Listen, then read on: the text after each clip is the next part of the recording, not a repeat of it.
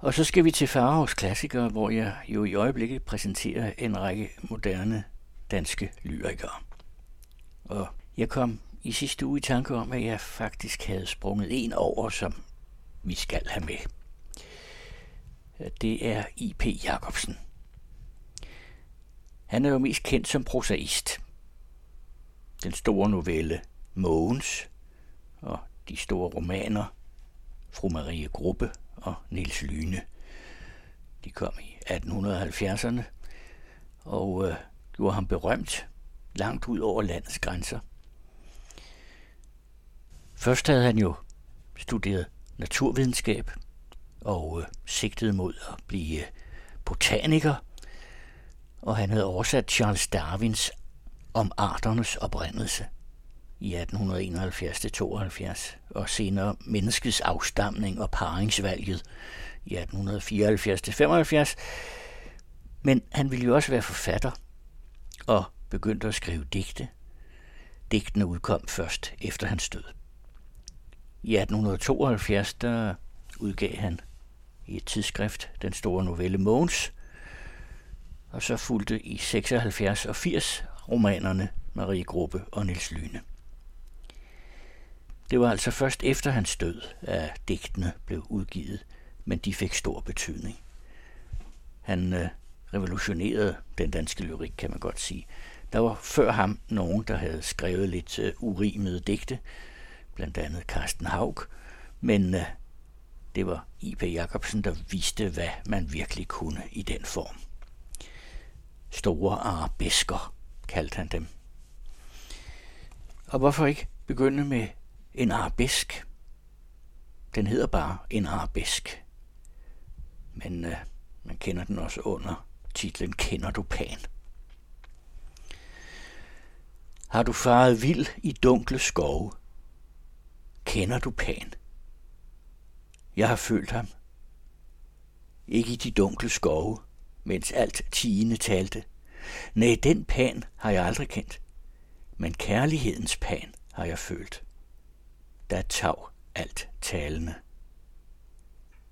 I solvarme egne vokser en sælsom urt.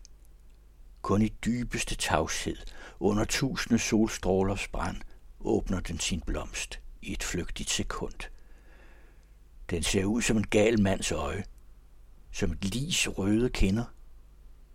Den har jeg set i min kærlighed. Hun var som jasminens sødt duftende sne. blod rent i hendes over.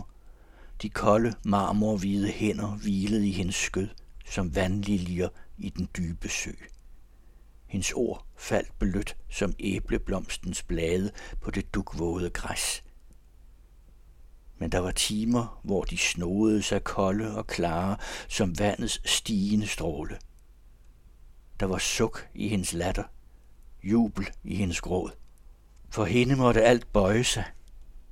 Kun tvinde turde trodse hende. Hendes egne øjne. Af den giftige liljes blændende kalk drak hun mig til. Ham, der er død, og ham, der nu knæler ved hendes fod. Med os alle drak hun, og der var blikket hende lydigt. Løftet spæger om usvigelig troskab af den giftige liljes blændende kalk. Alt er forbi. På den snedægte slette i den brune skov vokser en enlig tjørn. Vindene ejer dens løv. Et for et, et for et, drøber den de blodrøde bær ned i den hvide sne. De glødende bær i den kolde sne. Kender du Pan?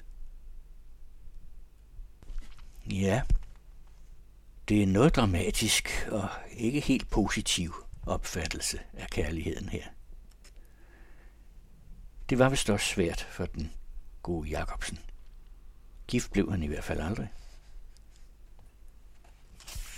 Og her får I så den mest berømte af arabeskerne, og den største arabesk til en håndtegning af Michelangelo. Kvindeprofil med sænkede blikke i ufitierne. Tog bølgen land, tog den land og sivede langsomt, rallende med grusets perler, er der ud i bølgers verden. Nej, den stejlede som en ganger, løftede højt sin våde bringe, gennem manken gnistrede skummet, snevigt som en svanes ryg. Strålestøv og regnbuetåge sidrede op igennem luften. Ham den kastede, ham den skiftede, fløj på brede svanevinger gennem solens hvide lys. Jeg kender din flugt, du flyvende bølge. Men den gyldne dag vil sejne, vil svøbt i nattens dunkle kappe lægge sig træt til hvile. Og dukken vil glimte i hans ånd. Blomsterne lukke sig om hans leje, før du når dit mål. Og har du nået det gyldne gitter, og stryger tyst på spredte vinger hen over havens brede gange, hen over lavers og myrters våver, over magnoliens dunkle krone, fuldt af dens lyse, roligt blinkende, fuldt af dens stirrende blomsterøjne, ned over hemmeligt viskende iris, båret og dysset i grådmilde drømme af geraniernes duft, af tuberosers og jasminers tungt åndende duft, båret mod den hvide villa med de månelyse ruder, med den svagt af høje, dunkle, høje, trolige cypresser.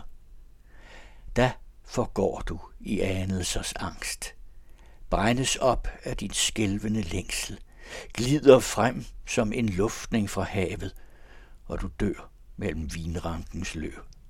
vinrankens susende løv. På balkongens marmortærskel, mens balkongardinets kolde silke langsomt vugger sig i tunge folder, og de gyldne drueklaser fra de angstfuldt vredende ranker fældes ned i havens græs. Glødende nat. Langsomt brænder du hen over jorden. Drømmende sælsomt skiftende røg flakker og virvles af sted i det spor – glødende nat. Viljer er voks i din bløde hånd, og troskab siv kun for din åndes pust. Og hvad er klogskab lænet mod din barm, og hvad er uskyld dåret af dit blik, der intet ser, men suger vildt til stormflod årens røde strøm, som månen suger havets kolde vande. Glødende nat vældige blinde menade, frem gennem mulmet blinker og skummer sælsomme bølger af sælsom lyd. Bæres klang. Ståles hurtige syngende klang. Blodets drøbben og blødende rallen og tykmælt vanvids brølen blandet med purpurrøde atros hæse skrig. Men sukket glødende nat sukket, der svulmer og dør. Dør for at fødes på ny. Sukket, du glødende nat. Se, gardinets silkevåger skilles, og en kvinde, høj og herlig, tegner mørkt sig mod den mørke luft. Hellige sorg i dit blik. Sorg, der ej kan hjælpes. Håbløse sorg. Brændende tvivlende sorg. Nætter og dage summer over jorden. Årstider skifte som farver på kind. Slægter på slægt i lange mørke bølger rulle over jord. Rulle og forgå, mens langsomt tiden dør. Hvorfor livet? Hvorfor døden? Hvorfor leve, når vi dog skal dø? Hvorfor kæmpe, når vi ved, at sværet dog skal vristes af vor hånd engang. Hvor til disse bål af kval og smerte. Tusind timers liv i langsom liden, langsom løben ud i dødens liden. Er det din tanke, høje kvinde. Tavs og rolig står hun på balkongen. Har ej ord, ej suk, ej klage. Tegner mørkt sig mod den mørke luft, som et svær igennem nattens hjerte.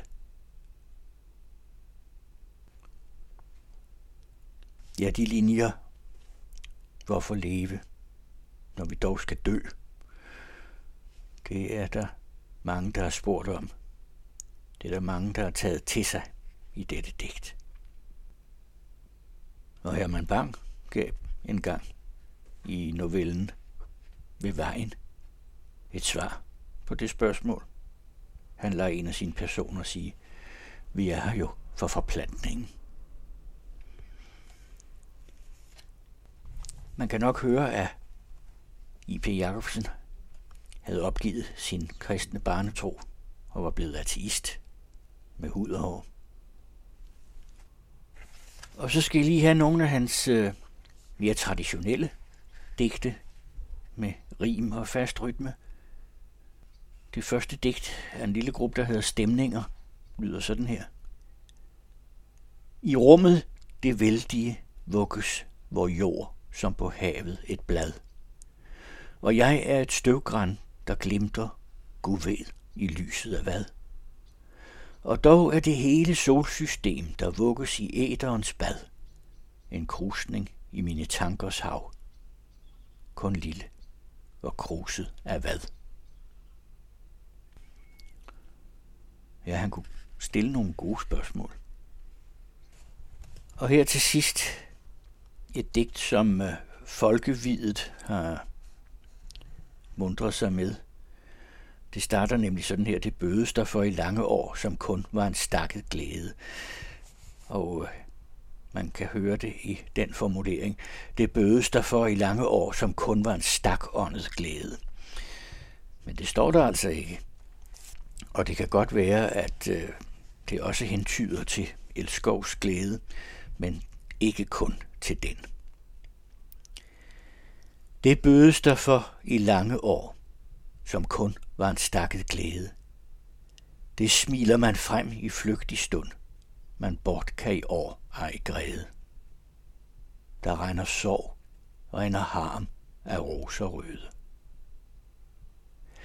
Der æges på lykkens gyldne jul så fast af en intet sanser, men sorgens trælsomme tunge lis, det venter os dog, når vi stanser. Der render sorg, render harm af roser røde. Der leves i lyst som halvt i drøm, men sorgen har ingen drøm. Med vågne øjne den på dig ser, øjne som sugende strømme. Der render sorg, render harm af roser røde. Ej, smilet vil lyse din dag i seng, men tåren er gode stunder. Ti smil er glans kun af det, der er. Gråd skyggen af det, der gik under.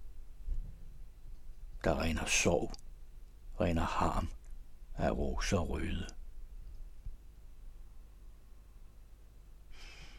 Jeg skal love for, at vi bliver mindet om tilværelsens alvor hos I.P. Jacobsen når han stiller de store spørgsmål. I næste uge vil jeg igen springe lidt op i tiden, nærme os vores egen. Jeg havde tænkt mig, at vi skulle høre nogle digte af Tøger Larsen.